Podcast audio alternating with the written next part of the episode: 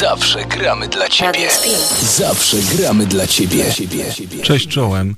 Witajcie po raz drugi w dzisiejszej audycji no, Moc. Chciałem powiedzieć noc, bo prawie zasnęliście, dlatego że mieliśmy małą awarię i musimy tak naprawdę zacząć wszystko od nowa, ale zaczynamy, udało się. Przepraszamy tych, którzy byli z nami od 19. Witamy wszystkich tych, którzy właśnie dołączyli. Ja nazywam się Grzegorz Wojewoda, czyli Prez, a ze mną jest dzisiaj Tomasz Pan Biters Baranowicz. Czyli Tomasz mikrofon numer jeden, Grzegorz mikrofon numer dwa. I zaczynamy audycję o latach 90. Mówiliśmy słowem wstępu na początku o 19, o czym to będzie i dlaczego. Natomiast po małych y, problemach technicznych udało nam się na antenę powrócić, więc nie będziemy przedłużać. Historia sprzed 30 lat, nasze młodzieńcze lata, podstawówka, gimnazjum, liceum i pierwsze kroki z muzyką. Nie przeciągając, zaczynamy od Green Day i kawałka Basket Case. Dokładnie, historia sprzed 30 minut również. Startujemy z utworem Green Day. Do you have the time to listen to me whine about nothing and everything all at once? I am one of those melodramatic fools, neurotic to the bone, no doubt about it. Sometimes I give myself the creeps. Sometimes my mind plays tricks on me. It all keeps adding up.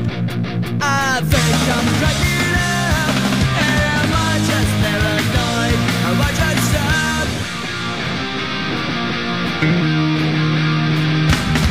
I went to a shrink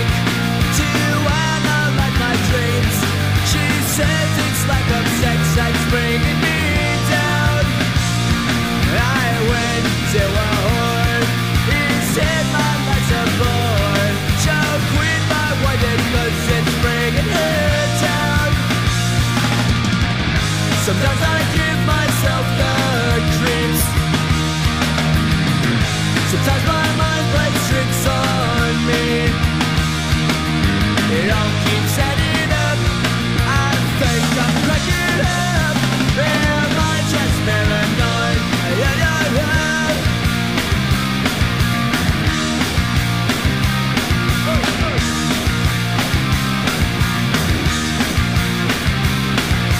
Grasping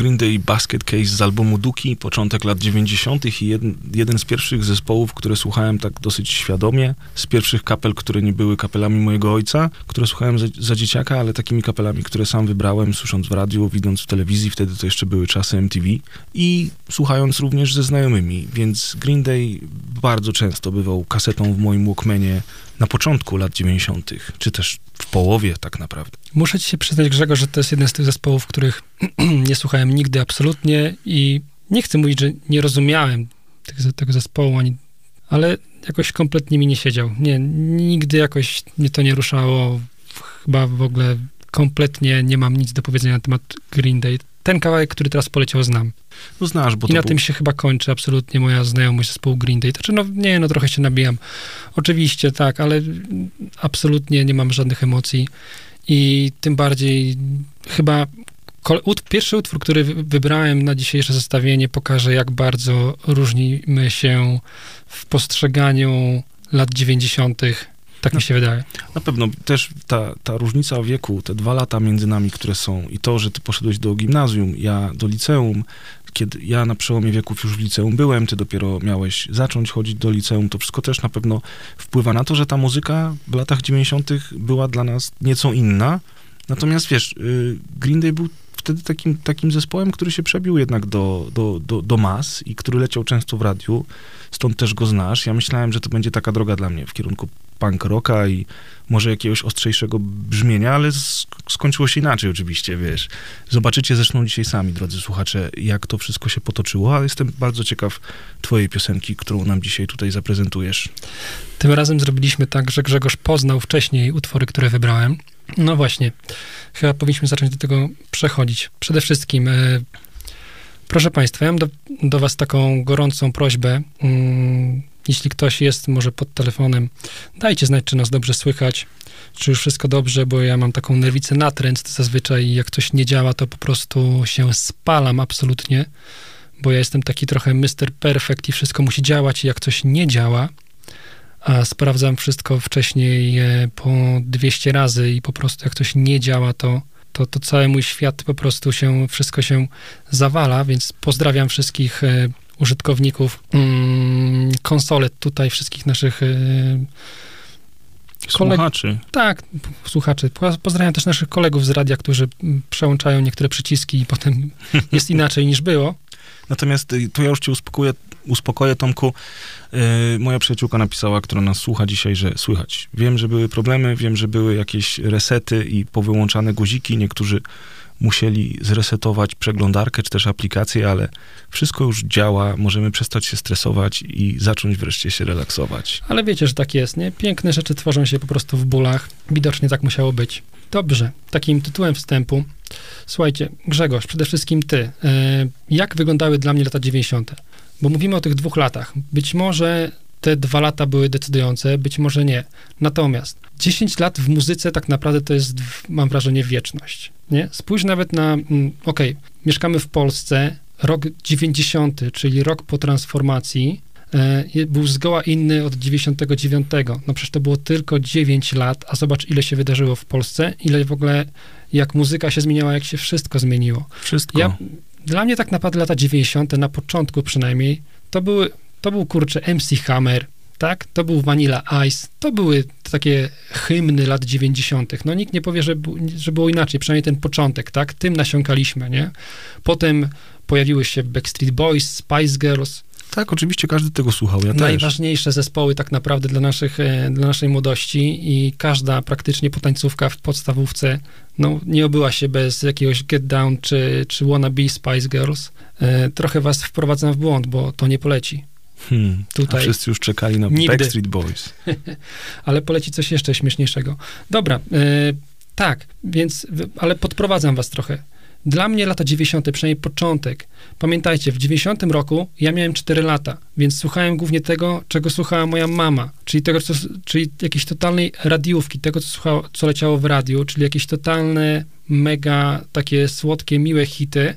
I z tym mi się kojarzą lata 90., przynajmniej ich początki. I dlatego wybrałem ten utwór, który, który mimo wszystko jestem w stanie go słuchać nawet dzisiaj. Uwielbiam ten kawałek. To jest mój pierwszy coming out.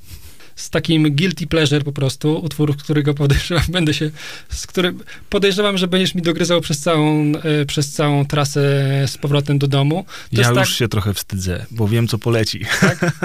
to jest tak, wiesz co, no, ty dwa tygodnie temu puszczałeś takie utwory, jakie puszczałeś, więc pomyślałem, żeby nie było ci trochę głupio. O, proszę, ładna to, riposta. to teraz e, ja trochę się tak e, uzewnętrznie od tej strony. Dobrze, no to mm, nie zdradzę, co to jest. I tak wszyscy wiedzą, co to jest. Jak już usłyszą, to będą wiedzieć, prawda? Oczywiście, że tak. Tytuł i imiona wokalistów ujawnimy już po kawałku. Słuchamy.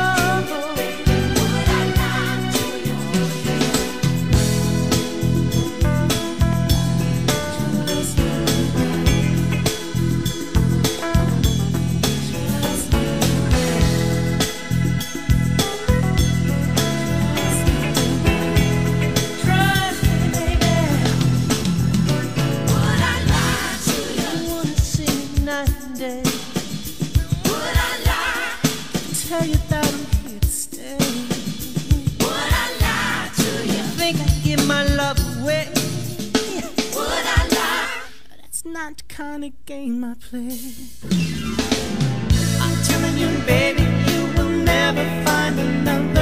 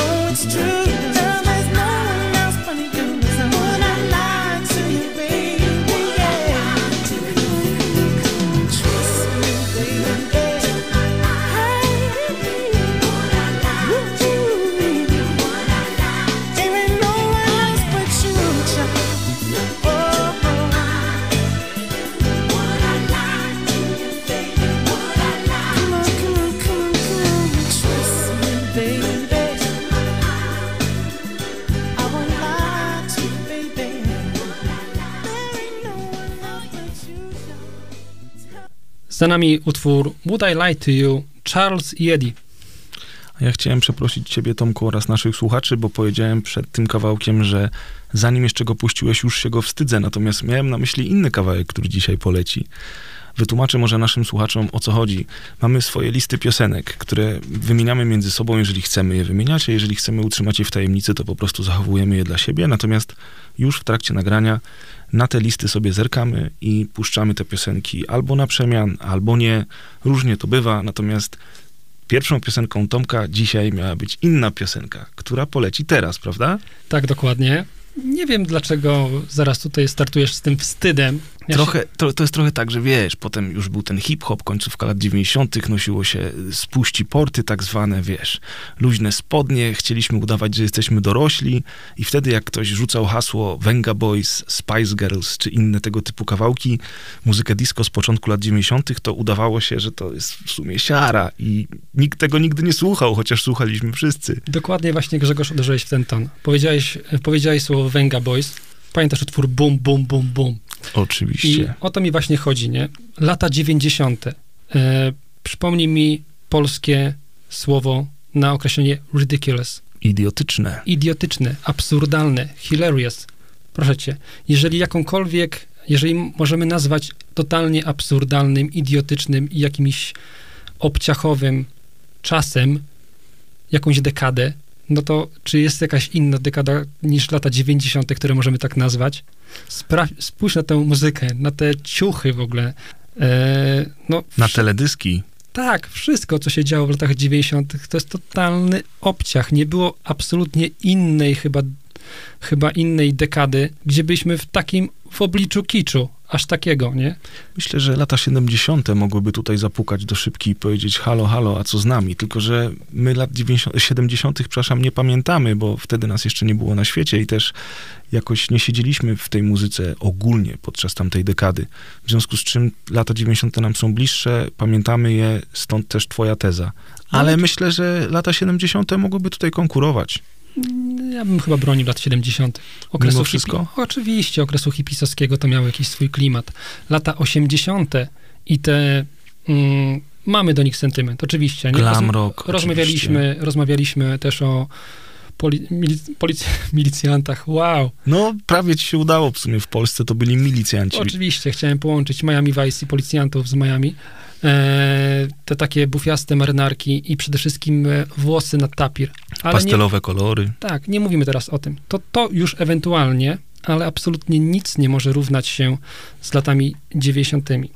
No dobra, więc wydaje mi się, że absolutnie trzy utwory, ty mówiłeś o dwóch, ja powiem o trzech, bo dokładnie trzy e, są na tym samym vibe'ie. Mm, Trzy utwory, które wybrałem, to jest dokładnie dla mnie esencja lat 90. Ten kawałek, który teraz poleci, będę go bronił. Będę go bronił jak niepodległości. Będę go bronił do końca tej audycji, absolutnie. Każdy ma jakiś taki swój utwór, który e, kiedy już jest w odpowiednim stanie, to jest na imprezie, kiedy już się robi tak między drugą a trzecią, po tym drinku, którego już nie pamiętasz. Pamięt, wiesz, wypijasz tego drinka, który już miał być ostatni, Tak. potem pijesz tego, który już Miał być który jest następny po ostatnim, Tak, a następny. potem te dwa kolejne, których już nie pamiętasz później. I potem I idziesz. do- wtedy jeszcze tańczysz, mówisz. Dokładnie. I potem idziesz do DJ-a. Pozdrawiam wszystkich znajomych DJ-ów i prosisz go o ten nu- numer. Powiem ci inaczej, ty go wcale nie prosisz o ten numer, on po prostu leci i ty sam, nawet nie wiesz kiedy, znajdujesz się na parkiecie. Y, czy akurat ten numer, o którym, którym teraz rozmawiamy, po, poleciałby, to nie wiem, tak bez pytania. Znam DJ-a, który by go puścił bez pytania. Pozdrawiam go serdecznie. Pisał tutaj e, taką notkę odnośnie poprzedniego utworu Charles Yedi. Faktycznie David Guetta zrobił taką nowszą, świeższą wersję dramatyczną tego utworu. Nie lubię tego, nie lubię tych nowszych e, takich e, przeróbek tych starszych utworów. Tak samo jak sprofanowano kiedyś utwór e, Tracy Chapman Fast Car. Po prostu są rzeczy, których się nie robi. Tak samo utwór Charlesa Jediego. Po prostu się tego nie rusza. To jest doskonałe od początku do końca. Rzeczy doskonałych się po prostu już nie poprawia. Dobra, bo tak mamy tyle muzyki, tak mało czasu, no nie przedłużajmy. Odpalmy ten utwór. Też nie będę mówił co. Ty już wiesz, oni zaraz będą wiedzieć, tak? Czyli absolutna esencja lat 90. Zobaczymy, czy ten utwór również nadal jest doskonały. jest. Słuchamy.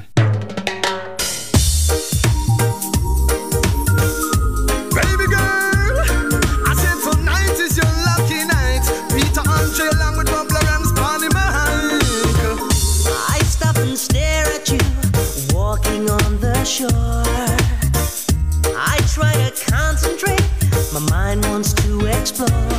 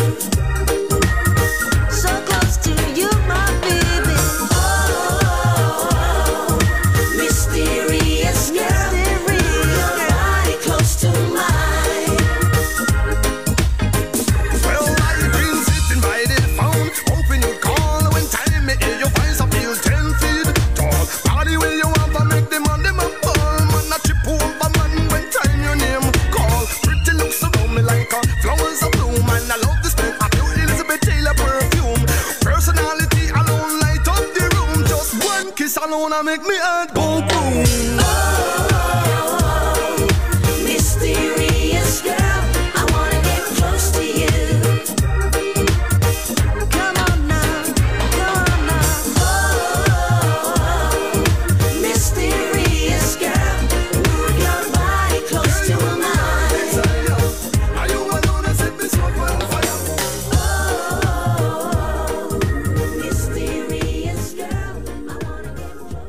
Właśnie tak. Miałem teraz e, taką niecną, taki niecny plan wyłączyć mikrofon Grzegorza, żeby się nie odzywał.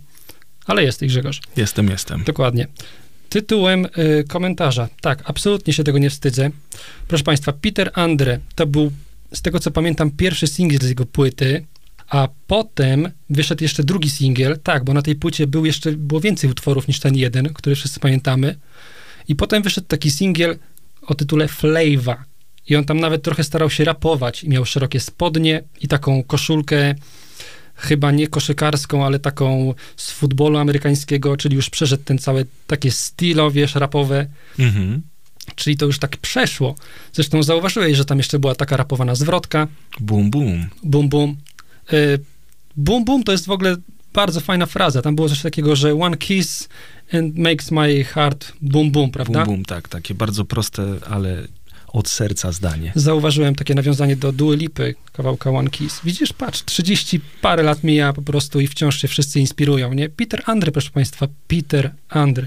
Dokładnie. Jedno, co chciałem jeszcze powiedzieć, to to o teledysku. Tak, jeśli pamiętacie, to teledysk był też wspaniały. Peter Andre bez koszulki i taka jedna piękna pani, która stała tam w akwenie wodnym i no przez długie lata, przez jeszcze długie lata te teledyski z kobietami w akwenach wodnych z taką zielenią mnie prześladowały, o czym z pewnością Państwo i Ty, Grzegorz, przekonacie się za tydzień w kolejnej audycji.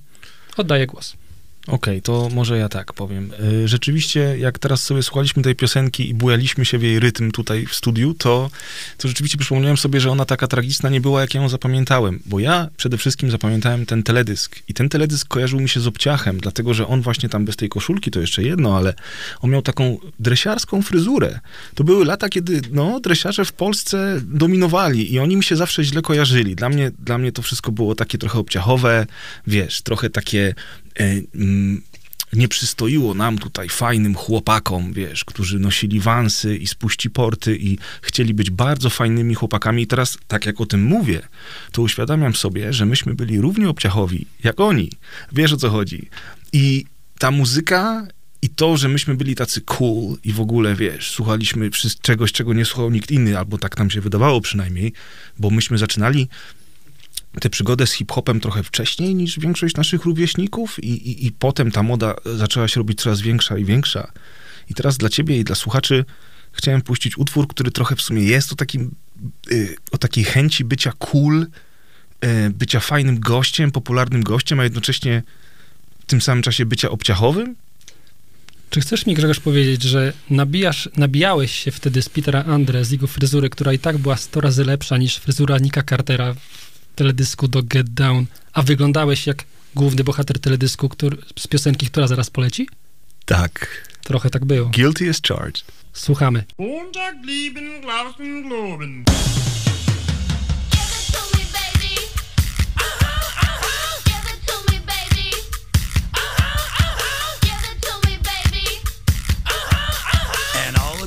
Say I'm pretty fly for a white guy.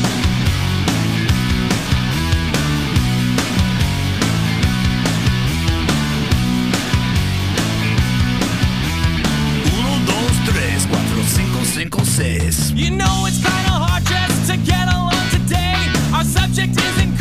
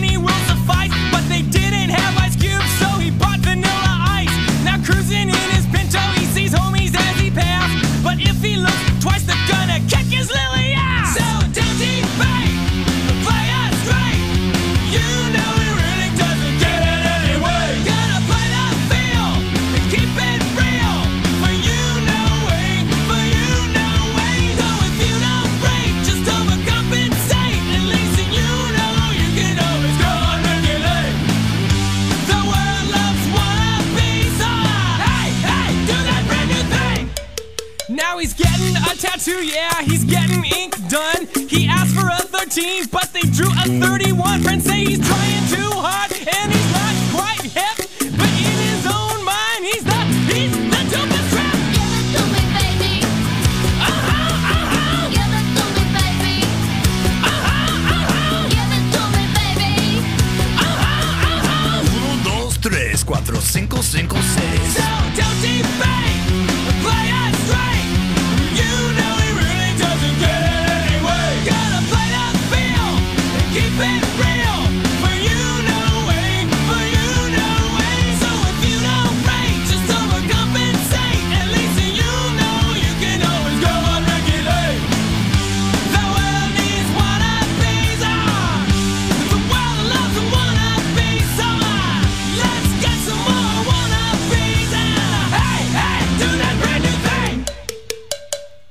oczywiście The Offspring z kawałkiem Pretty Fly for a White Guy. I teraz właśnie jak go słuchaliśmy, to przypomniałem sobie, jak wyglądał teledysk, jak był ubrany ten młody człowiek, o którym jest owa piosenka. Pamiętasz? Pamiętam, miał bardzo podobną koszulkę do tej, o której mówiłem e, w przypadku Petera Andre w teledysku Flava, jeśli dobrze pamiętam. No i w ogóle właśnie, jak myślę sobie teraz o tych teledyskach lat 90., to, to, to przede wszystkim to, poza oczywiście paniami na tle la- lazurowej wody, to pierwsze to, co przychodzi mi do głowy, to jest właśnie ubiór. I pamiętam, że my wtedy bardzo chcieliśmy być modnie ubrani, ale były czasy, jakie były. Lata 90. w Polsce nie było dostępu do markowych ciuchów, na pewno były Vansy, na pewno były jakieś takie podstawowe marki, ale takie, tak, takie, takie marki jak Karl Kani czy Fubu były albo niedostępne, albo można było je dostać za bardzo, bardzo duże pieniądze i każdy wtedy prosił rodziców, żeby kupili mu te piaskowce, ale oczywiście nikogo nie było stać na caterpillary, więc były jakieś podróbki, te szerokie spodnie i to wszystko gdzieś tam się przewijało. Oczywiście nie wszyscy się tak ubierali, dalej byli, dalej byli punkowcy, wiesz, dalej byli dresiarze i każdy miał jakiś tam swój strój, natomiast to, co się u mnie działo, to były raczej te klimaty takie hip-hopowe, w, te, w tym kierunku idące, potem wszyscy zaczęli tak się ubierać, potem na przełomie wieków to już w ogóle ta moda stała się standardem tak naprawdę. I właśnie te teledyski, to wszystko pokazywało nam, że my chcemy tak wyglądać jak ci ludzie. A ty też miałeś tak, tak, takie coś? Czy myślisz, Grzegorz, że było trochę tak, że na sposób twojego ubioru też e, wpływała jakaś taka kondycja finansowa twoich rodziców albo otoczenia? W sensie, no tak jak mówisz, no moda, powiedzmy moda mm, ta hip-hopowa z prawdziwego zdarzenia, no to była taka trochę droga, nie? No jednak te Timberlandy czy, czy te e, Caterpillary były drogie, ale w sumie, szczerze mówiąc, jeżeli ktoś chciał i dobrze kombinował, a umówmy się, my potrafiliśmy kombinować. Nie mówię o tobie i mnie, tylko my jako, jako my, Jako nasze pokolenie. oczywiście. Tak, tylko wiesz co, ja pamiętam jednak przede wszystkim, że chodziło się po ubrania na rynek, albo wiesz, we Po wrzeszczu prostu był... kupowałeś spodnie, które były dwa rozmiary większe, bluzę, która była dwa rozmiary większa i jakoś się wyglądało. Znaczy, jakoś się wyglądało. to już jest dyskusyjne po latach, czy się wyglądało, wiesz. Ale wiesz, chodzi mi o to takie miejsca, gdzie się kupowało ubrania, że we Wrzeszczu to jednak był, był, było to, był ten Manhattan, który teraz jest centrum handlowym, a wtedy to były takie budki, wiesz, z, z różnymi rzeczami, z tymi ubraniami, wiesz. Tam za tym drugim w Polsce McDonaldem, który powstał w byłym budynku Straży Pożarnej, za nim było też takie centrum handlowe, które teraz już nie istnieje, tam stoi Quattro Towers, tam się chodziło właśnie oglądać kasety magnetofonowe do Walkmana. Zazwyczaj nie było nas na nie stać, więc oglądaliśmy tylko okładki, ale jak babcia dała kieszonkowe albo rodzice kupili na urodziny, to natychmiast jakieś TLC czy inny Big Punisher leciał do tego Walkmana i słuchało się tego na okrągło. I właśnie tam się te ciuchy głównie oglądało. Wiesz, internet w ogóle czegoś takiego nie było. Nie dało się zamówić z Zary taniej Caterpillarów, nie? Więc można było to na przykład kupić z zagranicy albo faktycznie w jakichś takich markowych sklepach. Tylko, że ja nie pamiętam w Trójmieście takich markowych sklepów, gdzie nawet gdybyś miał pieniądze, to mógłbyś wziąć mamę za rękę, pójść i poprosić ją, żeby takie spodnie czy buty ci mogła kupić. Ty pamiętasz? Faktycznie nie było, ale muszę ci powiedzieć, że co się tyczy wansów, ja miałem wansy. I był to jakiś taki totalny przypadek, powiem ci, bo e, ja kompletnie wtedy nie zdawałem sobie chyba sprawy jakby z kultowości tej marki, z tego i śmiem twierdzić, one to też nie były jakieś mega drogie wtedy buty, bo nie wierzę, żebyśmy sobie mogli na to jakoś tam pozwolić. Nie, że jak też nie chcę teraz jakoś mówić, że ja pochodziłem z jakiejś biednej rodziny, bo tak nie było, ale mm, no takie były czasy, tak? Nie, nie, nie, nie wydawało się, zwłaszcza dla mm, dziecka w podstawówce po prostu jakichś kosmicznych pieniędzy na ubrania, no bo po co, tak? Na, na buty, który, z których wyrośniesz po tak naprawdę po roku, no bo to były takie czasy, no umówmy się, w podstawówce po prostu dziecko rośnie i nie kupowało się Bóg wie jakich butów, ale ja faktycznie te wansy miałem i, i nigdy nie sądziłem, że one były tak, tak kultowe. Dowiedziałem się tego po 20 latach. Ja kojarzę, że to, że, że to były popularne buty, dlatego że no, one były po prostu popularne i wszyscy w nich chodzili. To, że one były kultowe, że w, w, w, lat, w Ameryce lat 90. to były buty, które często deskorolkowcy używali i tak dalej, to faktycznie dotarło do mnie też po latach dopiero. Natomiast gdzieś tam zapamiętałem je jako symbol mody właśnie lat 90. Natomiast powiem ci, że mm, zanim przejdziemy do kolejnej piosenki, powiem ci, że y, te dwa lata chyba rzeczywiście różnicy w, wieku dużo robią, bo ja też pamiętam już drugą połowę lat 90., końcówkę lat 90., kiedy ja miałem 16 lat, jako taką właśnie erę pierwszych imprez ze znajomymi, wiesz, domówek u naszych przyjaciół i muzyki, której wtedy słuchaliśmy. I właśnie teraz chciałem wam wszystkim puścić jeden taki kawałek, który wtedy w połowie lat 90. królował, nie tylko w MTV, ale też na naszych domówkach. Jesteś gotowy? Chyba wszyscy. Czekamy. Zapraszam.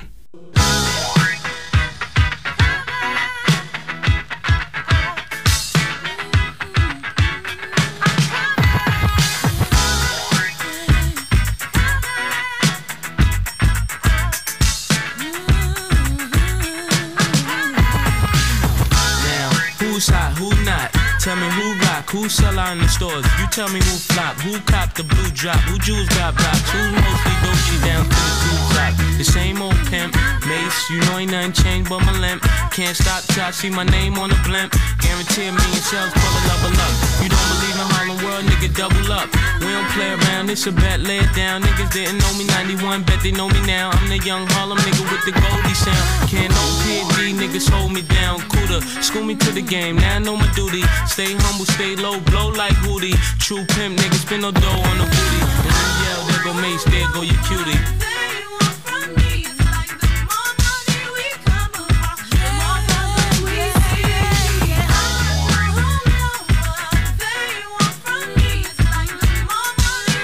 Yeah, yeah. I'm the D to the A to the D to the Y. Know you rather see me die than see me fly. I call all the shots, rip all the spots, rock all the rocks, cop all the drops. I know you Ten years from now, we'll still be on top. Yo, I thought I told you that we won't stop. Now what you gonna do with a crew that got money much longer than yours and a team much stronger than yours? Violate me, this'll be your day. We don't play, mess around, be DOA, be on your way. Cause it ain't enough time here, ain't enough lime here for you to shine here. Deal with many women, but treat down's fair. And I'm bigger than the city lights down in Times Square. Yeah, yeah, yeah.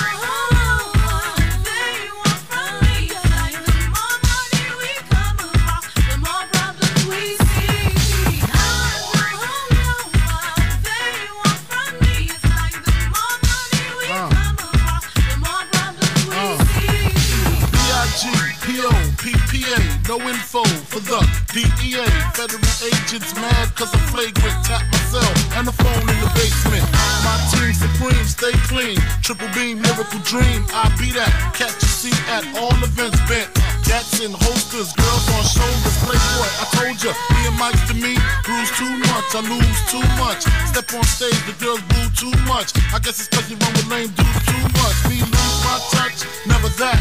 If I did, ain't no problem to get the gap where the true players at. Throw your rollies in the sky, waving side to side, and keep your hands high while I give your girl a eye. Play it please, lyrically, nigga C, B-I-G-B flossing, jig on the cover of Fortune, 5 double O. It's my phone number, your man, I got the know, I got the dough, got the flow down, pizzat, platinum plus, like Zizak, dangerous on Trizak, leave your ass pizzat.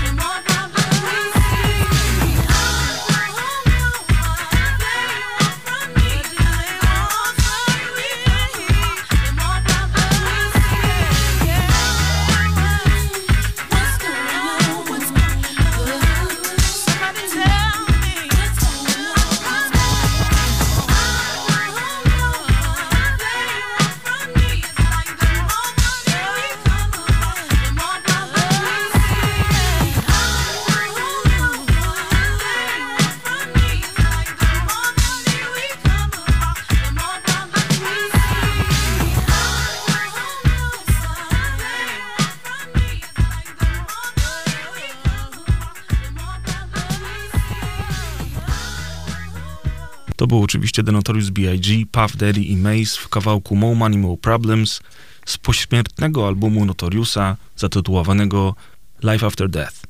Ale o East Coast, West Coast, problemach lat 90. w amerykańskim hip- hip-hopie rozmawialiśmy na poprzedniej audycji, więc teraz już nie będziemy do tego tematu wracać, natomiast do tego kawałka trzeba wracać zawsze i wszędzie, bo jest on piękny.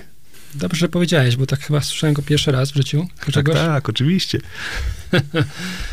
Nie no, oczywiście to był potężny hit. No po prostu potężny hit. Yy, Kurczę, no takie fajne numery puszczasz. Tak naprawdę takie petardy. I tak mam wrażenie, bo w ogóle jak yy, wymyśliliśmy temat tej audycji i wziąłem te dwa pierwsze utwory, które wiedziałem, że będę musiał je puścić, to tak miałem wrażenie, że troluję własną audycję. I tak, wiesz, no hmm. Jestem pewien, że Peter Andre był hitem, bo wszyscy go znają, także spokojnie, Tomku. Czyli nawet jak troluję własną audycję, to i tak wygrywam, mówisz Grzegorz? Tak Dobra. jest. Niech będzie punkt dla ciebie, ale dla mnie za Bigiego też jest punkt, także idziemy łeb w łeb. Dokładnie. Raz się wygrywa, a raz się wygrywa. Dobrze, teraz też bardzo, bardzo ważny utwór. Mm, Ty to powiedziałeś, ja to powiedziałem wcześniej, to Boom Boom. To Boom Boom jest bardzo ważne dla lat 90. e, i też bardzo ważne mm, określenie w kontekście kolejnego utworu, no bo ty już tak idziesz dalej, nie? Już, no to mówisz pośmier- pośmiertny album Notoriusa. Notorius zginął w roku W 97 97, w 96 zginął Tupac. czyli ten drugi. Dokładnie. Czyli to już jest e, no, druga połowa lat 90. A ja bym chciał się cofnąć jeszcze wcześniej, znowu do początku lat 90., czasów, kiedy ten hip-hop się tak trochę formował, nie? Kiedy, kiedy my w, tym, w tej takiej smutnej Polsce uczyliśmy się tego rapu i niekoniecznie od tych takich już gigantów, tylko właśnie od ludzi, którzy lecieli w radio, to niekoniecznie byli raperzy. I teraz ponownie, nie mówię o MC Hammerze, który, nie wiem czego on nas uczył. Chyba jakiejś mody alternatywnej. On nas uczył, żebyśmy tego nie dotykali. Tak, to prawda. i pokazywał, że szarawary można nosić z dumą, z pewnością, co niektórzy. Nie my. E, za to kolejny wokalista e, pokazuje nam, że, moż, że można naprawdę zrobić niesamowitą karierę. Dobra, bo nie bawmy się w top wszechczasów. E, możemy powiedzieć e, przed utworem, kto to będzie. Kawałek Bombastic Shaggy. Tak, rozprułem się przed. Bardzo ważny utwór. Proszę Państwa, Shaggy to jest artysta wielki. I teraz mówię to całkowicie poważnie. To nie jest tak, że ja się śmieję, że Shaggy to jest koleś, który nagrał It Wasn't Me i grał tylko taki śmieszny popik i w ogóle kto to jest. Bo to jest koleś, który nagrał naprawdę masę płyt. I gdyby to był taki śmieszny i żenujący, trochę taki regowy wokalista, no to nie nagrałby po latach płyty ze Stingiem. Umówmy się, to jest naprawdę gigant sceny. Chciałbym wam i tobie też, Grzegorz, przytoczyć e, taką anegdotę z festiwalu, na którym byłem we Wrocławiu. Może ci już ją opowiadałem, może nie. Opowiadałem ją z pewnością wielu znajomym, ale część słuchaczy nie znam, więc opowiem wam również. Otóż, festiwal we Wrocławiu wydarzył się z jakieś chyba 10-15 lat temu i e, Shaggy miał grać bodajże po Wu-Tangu. Taki był line-up, że najpierw miał wyjść Wu-Tang, a potem miał wyjść Shaggy. No i chłopaki z Wu-Tangów się spóźnili, więc zrobili małą zamiankę, co w ogóle dla mnie na od samego początku jakby było dziwne, że Shaggy ma grać po nich, no ale okej, zamienili to, co już miało jakiś większy sens, tylko nie na pewno dla niego, bo teraz jest pod sceną jakieś tam powiedzmy 15-20 tysięcy osób, wszyscy czekają na Wu-Tang, a ma wyjść Shaggy. No i wychodzi dwóch prowadzących ten, ten koncert, znaczy ten festiwal tam takich, e, jak to powiedzieć ładnie, Mistrzów ceremonii. mistrzów ceremonii, tak? I mają zapowiedzieć koncert. No i mówią, słuchajcie, jest taka sprawa, wyjdzie teraz Shaggy. No to może zróbmy tak, zróbcie dla niego hałas, no. Jeśli chcecie, żeby wyszedł Shaggy, to krzyknijcie głośno Shaggy. Swoją drogą to był chyba Blady Chris, taki beatboxer, swego czasu znany w Polsce i wujek samo zło. No i mówią, krzycz, krzycz, krzyczcie głośno Shaggy. No i te 20 tysięcy gardeł, jak jeden mąż, krzyczy głośno Mr. Bombastic. nie, 20 tysięcy gardeł, wszyscy jak jeden mąż krzyczą Wu-Tang oczywiście. Ojej. No i teraz Standard. Oczywiście, że tak, ciężko im się dziwić. Wszyscy chcieli Wu-Tang, miał wyjść Wu-Tang, wychodzi Shaggy. I teraz postaw się na miejscu Shaggy'ego, nie? On ma wyjść, zagrać sztukę, a wszyscy chcą Wu-Tang. Co robisz? Wychodzi Shaggy na scenę, bierze mikrofon, absolutnie w ogóle nie ma na twarzy żadnego jakiegoś takiego e, zażenowania, nie jest w ogóle żaden spietrany, że, zero tremy. To jest, mówię, to jest po prostu gigant. On wychodzi i mówi tak, gdyby jakikolwiek facet krzyknął Shaggy, to bym nie wyszedł. Wychodzę dla tych pięciu kobiet, które krzyknęły Shaggy i zaczyna grać i wychodzi z tym utworem. I jakby mnie absolutnie kupił, tak? To jest koleś, który się znajdzie w każdej sytuacji. On po prostu zjadł zęby na scenie, on po prostu wie, co robić. W każdym możliwym takim scenariuszu on po prostu wie. I ten utwór, umówmy się, to też jest czysta esencja lat 90. Kamień milowy. Tak. Y, Czy chcesz coś dodać jeszcze, czy słuchamy? Chcę słuchać. Jedziemy. Mr. Bombastic. We is a bombastic, romantic, fantastic lover. Shaggy. Mr. Lover, lover. Mm. Mr. Lover, lover. Girl. Mr. Lover, lover. Mm. Mr. Lover, lover. She call me Mr. Bombastic, tell me fantastic. Touch me on me back, she says I'm Mr. Ro- Romantic. Call me fantastic, touch me on me back, she says I'm Mr. Ro- Smooth. Just like a silk, soft and cuddly, hug me up like a quilt. I'm a lyrical lover. Now take me thin or filled with my sexual physique. You know me well, Bill. Do me, oh my, well, well, can't you tell? I'm just like a turtle crawling out of my shell. Girl, you captivate my body, put me under a spell. With your couscous perfume, I love your sweet smell. You're the only young girl who can ring my bell, and I can take rejection. So you tell me go to well, I'm bombastic. Me fantastic. Touch me on my back, she says I'm Mr. Romantic.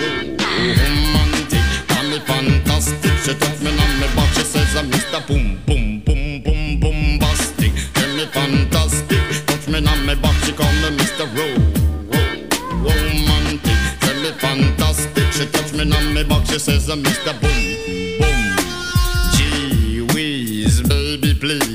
take you to an island of the sweet cool breeze. You don't feel like drive? Well, baby, hand me the keys, and I will take you to a place and set your mind at ease. Don't you tickle my foot bottom, baby, please. Don't you play with my nose, cause I'm a hatchoon sneeze. Well, are you are the bun and me are the cheese. And if I'm me are the rice, well, baby, love you the peas. I'm bombastic, tell me fantastic. Touch me on me box, she says, I'm Mr. Ro- romantic. Tell me fantastic.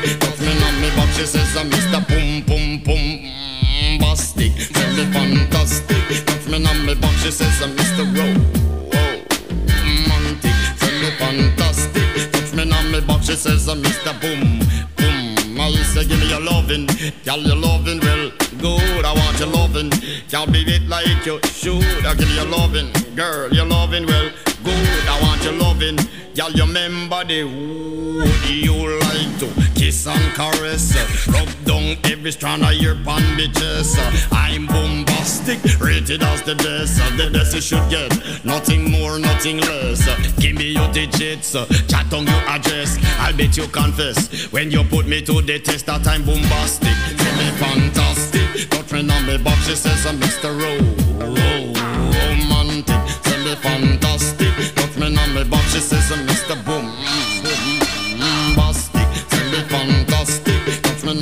She says I'm Mr. Ro- romantic. Tell me fantastic. Touch me on me box, she says, I'm Mr. Bombastic. Why? Girl, your admiration, it lit me from the start. With such physical attraction, girl, you know to feel the spark. I want a few words, now go tell you no sweetheart. Now go lava, lava, lava, la, not chat pure fart. I'll get straight to the point, like a aura, aura dart. I'm lay down in a jacuzzi and get some bubble bath. Only song you will hear is the beating of my heart, and we will mm, and have some sweet pillow talk. I'm bombastic, tell me fantastic. Touch me on the box, she says, Mr. Romantic, No widzisz, to mówisz, że Szakiego i Wu-Tang widziałeś na żywo na festiwalu. To był rok 2012, kiedy oni grali we Wrocławiu. Natomiast ja mam taką całą serię anegdotek o Wu-Tang, bardzo krótką serię anegdotek, bo ja, dla mnie Wu-Tang na żywo to jest rok 2019 i każde z nimi spotkanie to był zawód. To znaczy najpierw byłem w Warszawie na solowym koncercie Jizza, który po prostu zachowywał się jakby uciekł z geriatrii, wiesz, nie pamiętał tekstów i w ogóle miał zero energii. Potem w Teatrze Szekspirowskim w Gdańsku byłem na koncercie Ghostface Killa, który przyjechał w ogóle z jakimś tam supportem i, i puszczał piosenki Michaela Jacksona. I wiesz, robił imprezę zamiast rapować. Było to specyficzne, było to nawet przyjemne, ale było to no, dziwne. Później wybrałem się do, do, do, do Manchesteru, do Wielkiej Brytanii na koncert Wu-Tang. Tam jeszcze było Public Enemy i, i De La Soul. Na De La Soul nie zdążyłem, bo źle podali godzinę rozpoczęcia koncertu. Więc jak myśmy weszli, to oni właśnie zeszli ze sceny. Załapałem się na Public Enemy i później był Wu-Tang, y, duży zawód, Method Man nie przyjechał. Method Man bardzo często nie przyjeżdża do Europy, nikt nie wie czemu. No ale parę miesięcy później e, na Śląsku mieliśmy festiwal jeszcze przed pandemią e, i właśnie headlinerem tego festiwalu miał być też Wu-Tang. Powiedzieli w social mediach, że będą wszyscy członkowie zespołu, włącznie z Method Manem. Wybrałem się na ten festiwal, będąc w pociągu. Dowiedziałem się od kolegi, że na ostatnią chwilę Wu-Tang odwołał i nie będzie go wcale. Także bardzo długo byłem na nich obrażony, ale jednak Wu-Tang to też jest klasyka lat 90. i jeden z takich zespołów, które, który przełamał pierwsze lody, jeżeli chodzi o hip-hop na całym świecie i dlatego musimy puścić Wu-Tang. Więc zaczynajmy. Musimy. So what's up, man? Coolin', man. Chillin', chillin'. Yo, you know I had to call. You know why, right? Why? Because, yo, I never ever called and asked play something, right? Yeah. You know what I want to hear, right? What you want to hear? I want to hear that Wu Tang joint. Wu Tang again? Ah, yeah, again and again.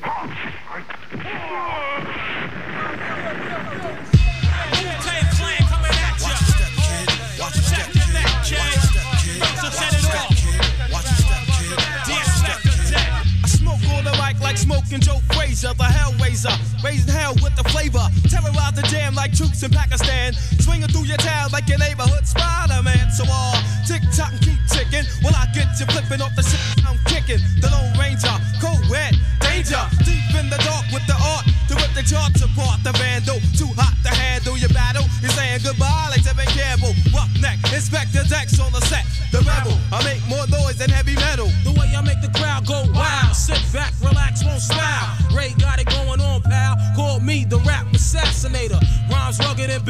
Schwarzenegger. And I'ma get mad deep like a threat. Blow up your project, then take all your assets. Cause I came to shake the frame in half with the thoughts that bomb shit like math. So if you wanna try to flip, yo, flip on the next man. Cause I'll grab the clip and hit you with 16 shots and more. I got going to war with the melting pot. I, It's the method man for short, Mr. Map. Move it on your left. Ah, and set it off. Get it off, let it off like a gat. I wanna break food, cop me back. Small change, they putting shame in the game. I take game and blow that nigga out the frame. And like fame, my style live forever. Niggas crossing over like they don't know no better. But I do. True, can I get a sue? Enough respect due to the 1-6 ooh. I mean, oh, yo, check out the flow like the Hudson or PCP when I'm dusting. Niggas off because I'm hot like sauce. The smoke from the lyrical blood make me. Uh, Ooh, what rap my nut get screwed? Here comes my Shaolin style. True B A B B Y U. To my crew with the. Yeah, yeah, yeah. Come on, baby, baby, come on. Baby, come on, baby, baby, come on. yo, you best protect your neck. First things first, man, you f- with the worst. I'll be sticking pins in your head like a f- nurse. I'll attack any nigga who's slacking this mat. Come fully packed with the fat burger stack. Shame on you when you step through. Two, the old dirty bastard, straight from the. And I'll be damned if I let any man come to my center. You enter the winter, straight up and down. That shit at cam, you can't slam. Don't let me get fooled on it, man. The old dirty bastard is dirty and stinking. They saw unique rolling with the night of the creeps. Niggas be rolling with a stash. Ain't saying gas, bite my style. I bite your motherfucker. Crying out loud, my style is wild, so book me. Not long is how long that this rhyme took me. Ejecting styles from my lethal weapon. My pen that rocks from here to Oregon. Here's more again. Like a psycho flashback. I love gats. Rap was a gun. You wouldn't bust back. I come with all types of shapes and sounds. And where I lounge is my stomping grounds. I give an order to my peeps across the water to go and snatch up props all around the border and get far like a shooting star. Who I are is living the life of Pablo Escobar. Point blank as I kick the square biz. There it is, your fucking pros and it goes. Yo, chill with the feedback block. We don't need that. It's 10 o'clock, ho. Where the f to see that? Feeling mad hostile. When I speaks the gospel. Soul with the holy roll. Then attack the globe with the buckets. Style the ruckus. 10 times 10 men committing mad sin. Turn the other cheek and I'll break your chin. Slain boom bangs like African drums. Coming around the mountain when I come. Crazy flamboyant for the rap enjoyment. My clan increased like black unemployment. Yeah, another one dare. Took- a genius. Take us the out of here. The woo is too slamming for these coke killing labels. So ain't had hits since I seen Aunt Mabel. Like Cain did Abel. Now they money's getting stuck to the gum under the table. That's what you get when you misuse what I invent. Your empire falls and you lose every cent. But trying to blow up a scrub. Now that thought is just as bright as a 20 watt light bulb. Should've pumped it when I rocked it. Niggas so stingy, they got short arms and deep pockets. This goes on in some companies with majors that scared to death to pump these. First of all, who's your A&R? A mountain climber who plays an electric guitar, but he don't know the meaning of dope when he's looking for a suit and tie rap that's cleaner than a bar soap. And I'm the dirtiest thing in sight. Matter of fact, bring out the girls and let's have a mud fight.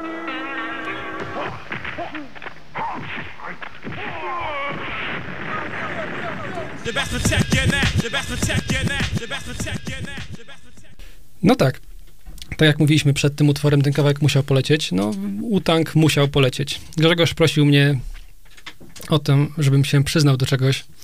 Tak, słuchając tego utworu zdałem sobie sprawę, że jest taki jeden fragment w tym tekście, którego często używam podczas różnego rodzaju aktywności, na przykład w kuchni i bezcenna jest mina na przykład mojej żony, kiedy ja sobie to nucę i powtarzam pod, y, pod nosem, kiedy na przykład myję naczynia, coś obieram albo robię herbatę i, i wkręcając się totalnie, mając to z tyłu głowy i po prostu powtarzam sobie w kółko come on, baby, baby, come on, baby, baby, come on, baby, baby, come on. I jakoś nikt nie wie, o co chodzi. Ona się na nie patrzy dziwnie, a ja mówię, no, y, sorry. Wkręciłem się. Tak, Bo to, jest- zostaje z nami na zawsze, no. Po Dokładnie prostu. tak. Come on, baby, baby. No szkoda Old DB, że tak skończył, ale chyba musiał tak skończyć. Musiał, nie musiał, no powiedzmy, że z wielkim talentem idzie wielka odpowiedzialność. Tak, a on nie był odpowiedzialnym człowiekiem.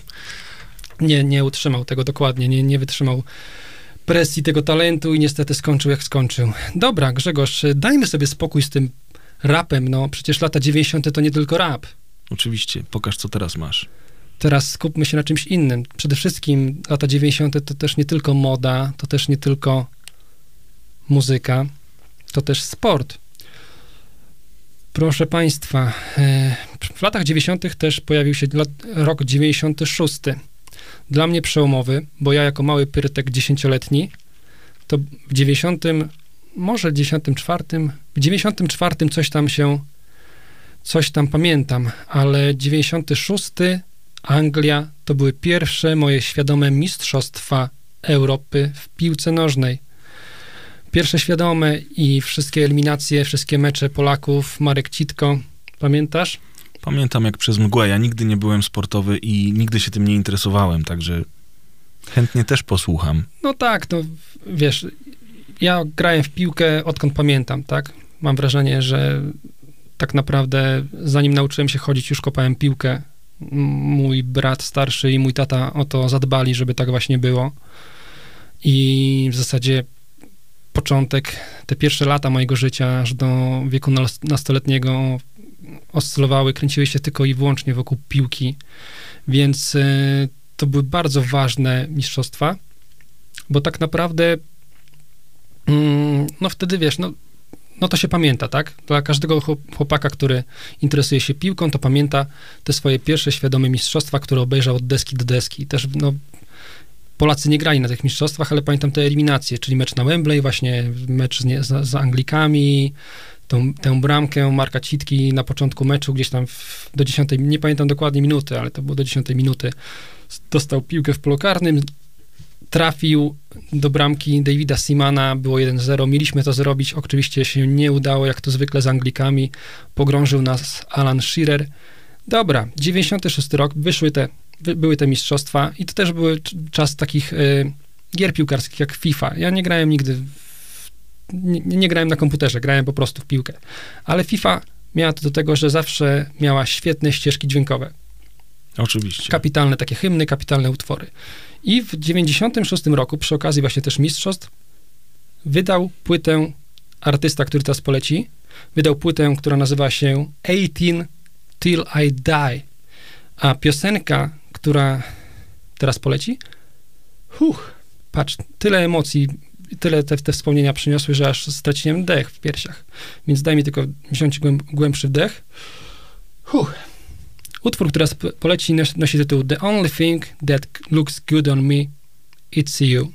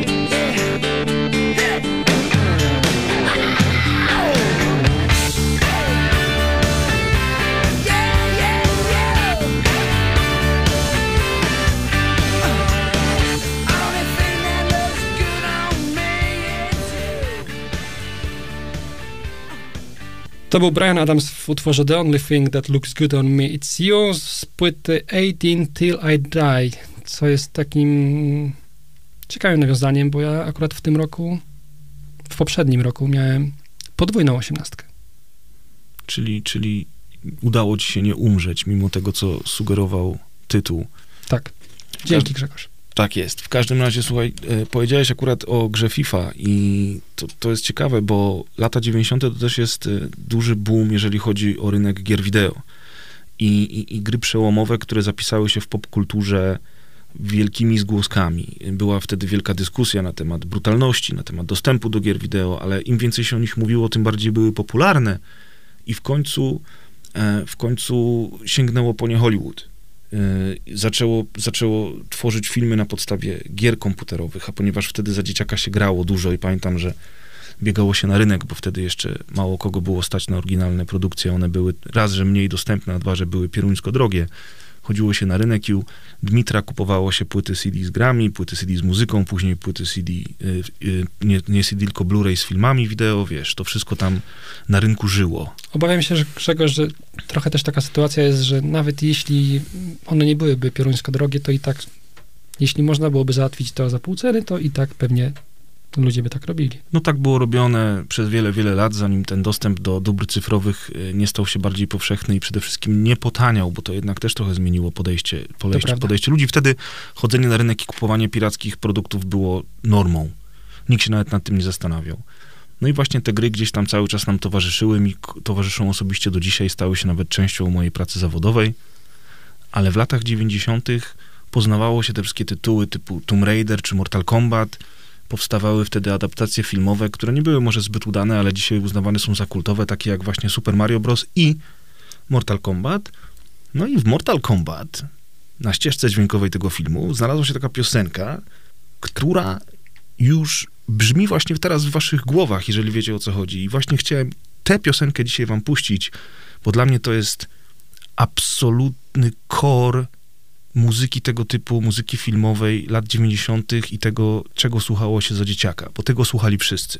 Dokładnie. Można powiedzieć, że to jest kolejny z hymnów lat 90. Także puszczamy. Puszczamy.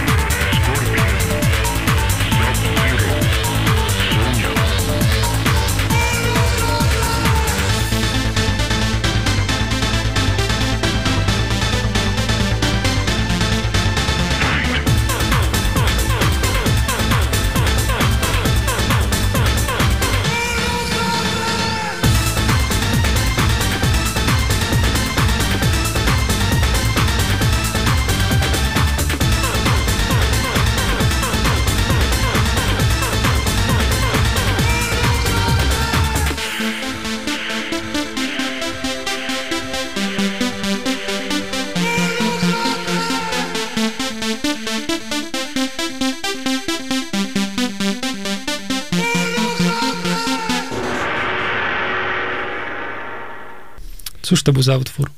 Najśmieszniejsze jest y, to, że kiedy on poleciał, to od razu Grzegorz przypomniały mi się te wszystkie taneczne układy na dyskotekach. Też to tańczyliście? Wiesz co? Szczerze mówiąc, to nie pamiętam, żebyśmy tańczyli do Mortal Kombat. No widzisz, ja pamiętam dyskoteki, gdzie no, było to na tyle popularne, że no, musiało to polecieć i wszyscy ci e, ci chłopcy właśnie z podstawówki w takich e, za dużych spodniach albo za małych, jakichkolwiek i, i oczywiście musieli podskakiwać, pokazywać, jacy to są twardzi, jak to są podobni do Liu Kanga czy Cage'a, tak? Tak jest. Czy Sub-Zero. Nie no, to, to tak jak mówiłem, to absolutny hit e, i hymn lat 90. I tak jak też wspomniałeś, ta mm, ekranizacja, kurczę, no strasznie kampowa, strasznie taka, mm, można powiedzieć, nieudana, ale patrząc po kolejnych e, realizacjach gier, mm, to chyba jednak udana. Tak, to, to jest tak, że ona po latach stała się absolutnym klasykiem i faktycznie patrząc na inne adaptacje, nie tylko tej serii, ale też innych gier, to nie jest taka zła. A dzisiaj ogląda się wręcz z takim sentymentem, między innymi przez tę muzykę, przez różne utwory, które tam leciały. Przecież to nie jest jedyny kawałek, który był znany e, z tego soundtracku. To po prostu, wiesz, to są jakieś takie, jakieś takie nostalgiczne emocje, które uderzają centralnie w serducho i, i dzisiaj ten film jest super kinem do obejrzenia, wiesz, na kanapie w domu. To prawda. Po prostu był chyba na dobrych emocjach grał. Nie, nie, nie chcę mówić, że na takim totalnym sentymencie to oglądamy, chociaż może tak jest, może młodzi ludzie młodsi od nas patrzą na to i, i nie, nie rozumieją tego i faktycznie to tylko przebija się ten nasz sentyment, ale, ale wydaje mi się, że on faktycznie jest po prostu tak, tak dobrze zrobiony, mm, jeśli chodzi o granie na takich, na tych, no, uderza w odpowiednie tony, tak, i, i te późniejsze wszelkiego rodzaju y, ekranizacje gier, im, się nie to, im się to nie udaje. Oni tam nie silili się na Bóg wie co, to jest prosta rozrywka, tam miały być po prostu efektowne walki, tak, miała być dobra choreografia tych walk i jest. Oni tam się nie silili na Bóg wie jakie efekty specjalne. Chociaż trochę tych efektów specjalnych w filmie jest. One To dzisiaj prawda. wyglądają komicznie, ale wtedy to było coś. Tak, ale one nie wyglądają aż tak źle. A na przykład odniosę się do drugiej części, która wygląda bardzo źle, bardzo źle się zestarzała, więc e, drugiej części Mortal Kombat, więc ta pierwsza naprawdę nie jest zła. I chyba w zeszłym roku wyszła nowa wersja. Rok albo dwa lata temu, ale nie będziemy o niej rozmawiać, bo ona nie jest zbyt udana, niestety. Także rzeczywiście w, w, w napływie tych wszystkich kiepskich adaptacji gier wideo ten Mortal Kombat po latach się broni, ale on też się właśnie bronił tym soundtrackiem. Ja nie pamiętam żadnej innej adaptacji gry komputerowej, która dostałaby taki mięsisty soundtrack z tyloma różnymi piosenkami, które w tamtych latach wszyscy mieli w Walkmanie, czy też nawet już w Discmanie. To prawda. Dobrze, przejdźmy do kolejnego utworu, tym razem e, z mojego, e, z mojej listy. E, Znowu będziemy się ocierać o muzykę rapową. Tak wyszło. Wybaczcie. Albo nie wybaczcie.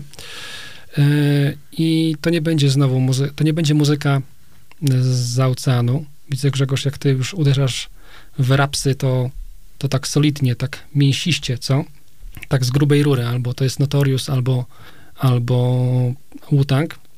Ja chciałbym przypomnieć utwór, który dla mnie też jest taką esencją lat 90. Yy, utwór duetu, który tak naprawdę wypłynął, na, może nie wypłynął, popłynął na tym utworze. To był ich największy hit. Nie chcę mówić, bo to tak zawsze brzydko i smutnie. Jak e, zespół e, wydaje jeden utwór i to jest e, jedyny utwór, na którym po prostu potem płynie przez całą swoją karierę, ale trochę tak było. Duet Stereo MCs, nie wiem, czy pamiętasz utwór Connected. Jeśli, kto, jeżeli komukolwiek nic to nie mówi, to gwarantuję wam, że jeżeli on, je, jeśli on, ja, jak on już zaraz popłynie, to wszyscy przeniesiecie się nostalgicznie o te parę dekad do lat 90.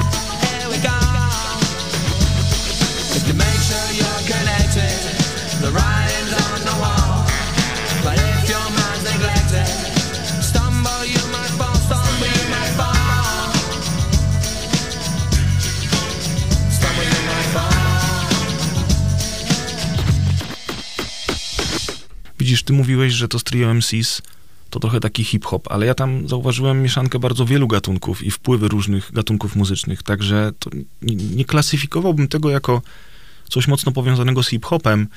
I to też jest ciekawe, bo lata 90. to jest taka mieszanka stylów i gatunków, gdzie bardzo dużo eksperymentowano w muzyce, prawda? To jest też dla mnie, dla, dla, dla ciebie, jak już ustaliliśmy, gówniarzu, niekoniecznie, ten moment, kiedy, kiedy wchodzisz, wiesz, wychodzisz z podstawówki, wchodzisz do liceum, zaczyna się takie, tobie się wtedy wydaje, dorosłe życie, nie? Trochę, trochę już więcej rozumiesz, trochę więcej czytasz, liznąłeś język angielski, możesz zacząć tych piosenek słuchać ze zrozumieniem, albo przynajmniej starać się słuchać ich ze zrozumieniem. No i właśnie a propos tego hip-hopu, od którego już oczywiście odchodzimy, y, był sobie taki zespół House of Pain i ich wielki przebój Jump Around. To oczywiście wszyscy znacie, nie będziemy go dzisiaj wam puszczać, przykro mi. Natomiast jeden z członków tego zespołu, Everlast, kiedy odszedł z zespołu, kiedy zespół się rozpadł, y, zaczął sol- solową karierę, ale nie hip-hopową. On poszedł w zupełnie innym kierunku, wyciągnął gitarę i zaczął grać y, blues rocka. I to był też taki moment, gdzie, gdzie, gdzie, gdzie okazało się, że, że, że artyści generalnie, że dla mnie się okazało, że artyści generalnie, wiesz, są często wszechstronnie uzdolnieni i potrafią właśnie pomiędzy tymi gatunkami przeskakiwać dosyć mocno. W twórczości Everlasta oczywiście ten hip-hop zawsze będzie gdzieś tam słychać, ale jednak to jest coś więcej niż tylko hip-hop. I on wydał taką płytę, która nazywała się Whitey Ford Sings the Blues. I na tej płycie jest kawałek What It's Like. Większość ludzi na pewno go kojarzy, jak go puścimy, to na pewno już rozpoznacie. Natomiast to był też taki kawałek, który traktuje o poważnych rzeczach. Jak już człowiek trochę tego angielskiego liznął i posłuchał, o czym tam jest mowa, to okazało się, że muzyka to jest trochę więcej niż Mortal Kombat. Więc właśnie tym kawałkiem chciałem się z wami dzisiaj podzielić. Także miłego słuchania.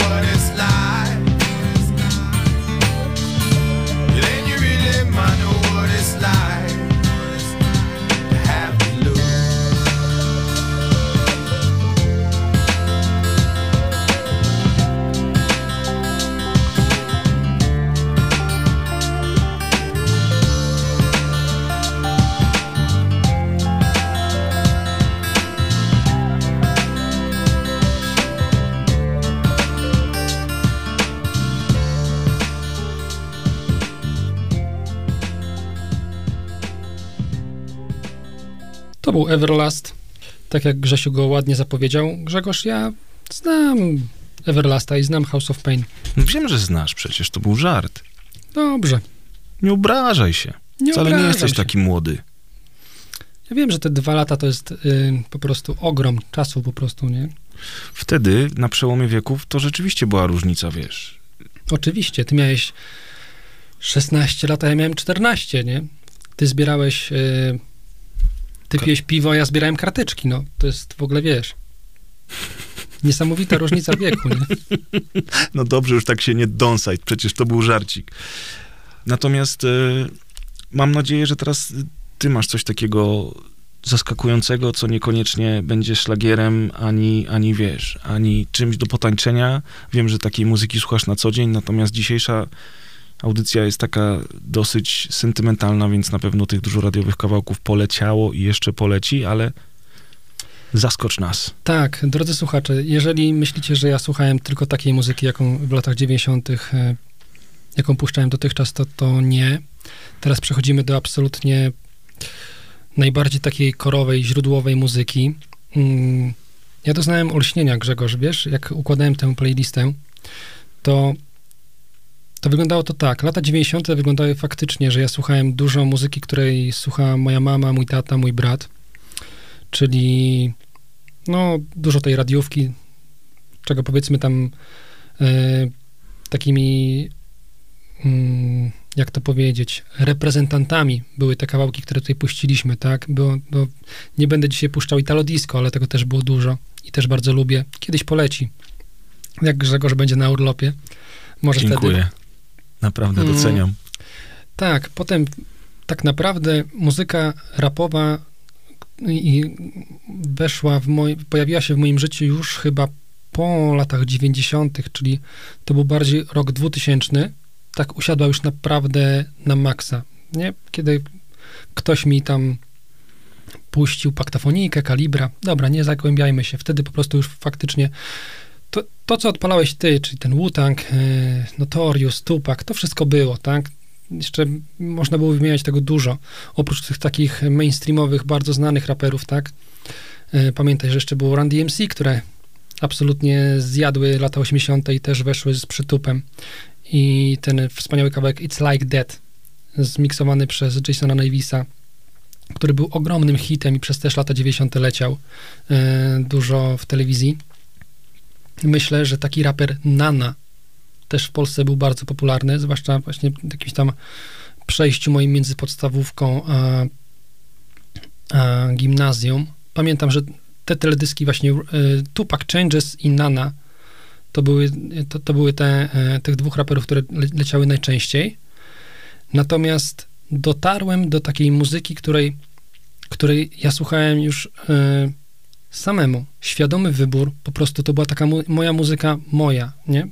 Chodzi o to, że ten rap pojawił się jako taki okres buntu, to faktycznie już poszło tak, że mm, za tym poszła już jakaś taka e, cały ten taki movement, nie? Wszyscy, wszyscy z naszego rocznika weszli w to, chcieli się z tym identyfikować, to był taki nasz punk rock.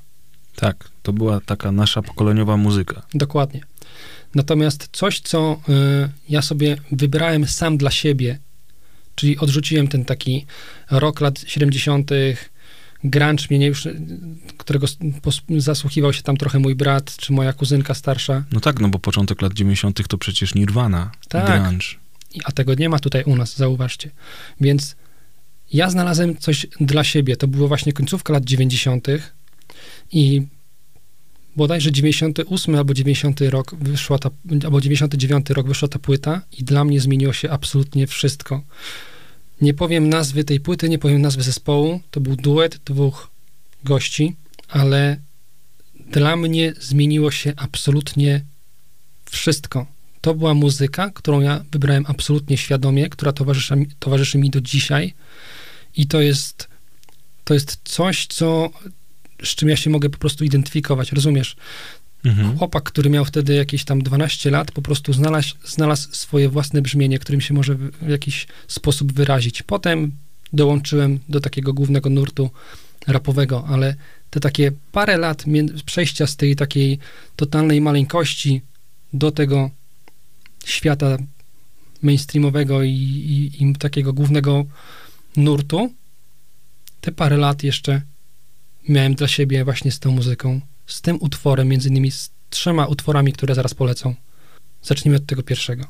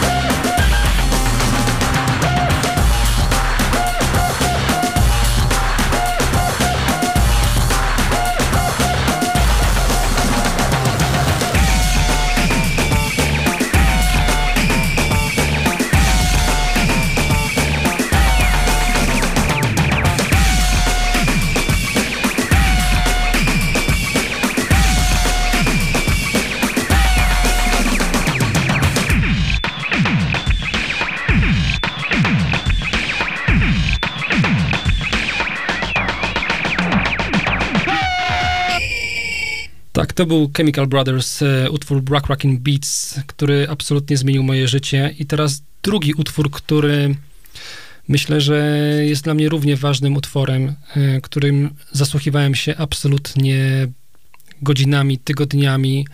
Jest dla mnie tak naprawdę muzyką sakralną. To jest coś więcej niż tylko muzyka elektroniczna. To jest e, muzyka, która pomagała mi w tamtych czasach w ogóle w jakichś ciężkich sytuacjach.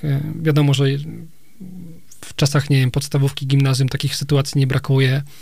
Nie mówię tu tylko jakichś, e, no, że dostałeś kiepską ocenę, czy, ale nie wiem, pokłóciłeś się z kolegą, czy coś. No, umówmy się, w czasy, kiedy jesteśmy, kiedy mamy te naście lat, e, obfitują w takie sytuacje, w których nie jesteśmy w stanie sobie jeszcze poradzić emocjonalnie.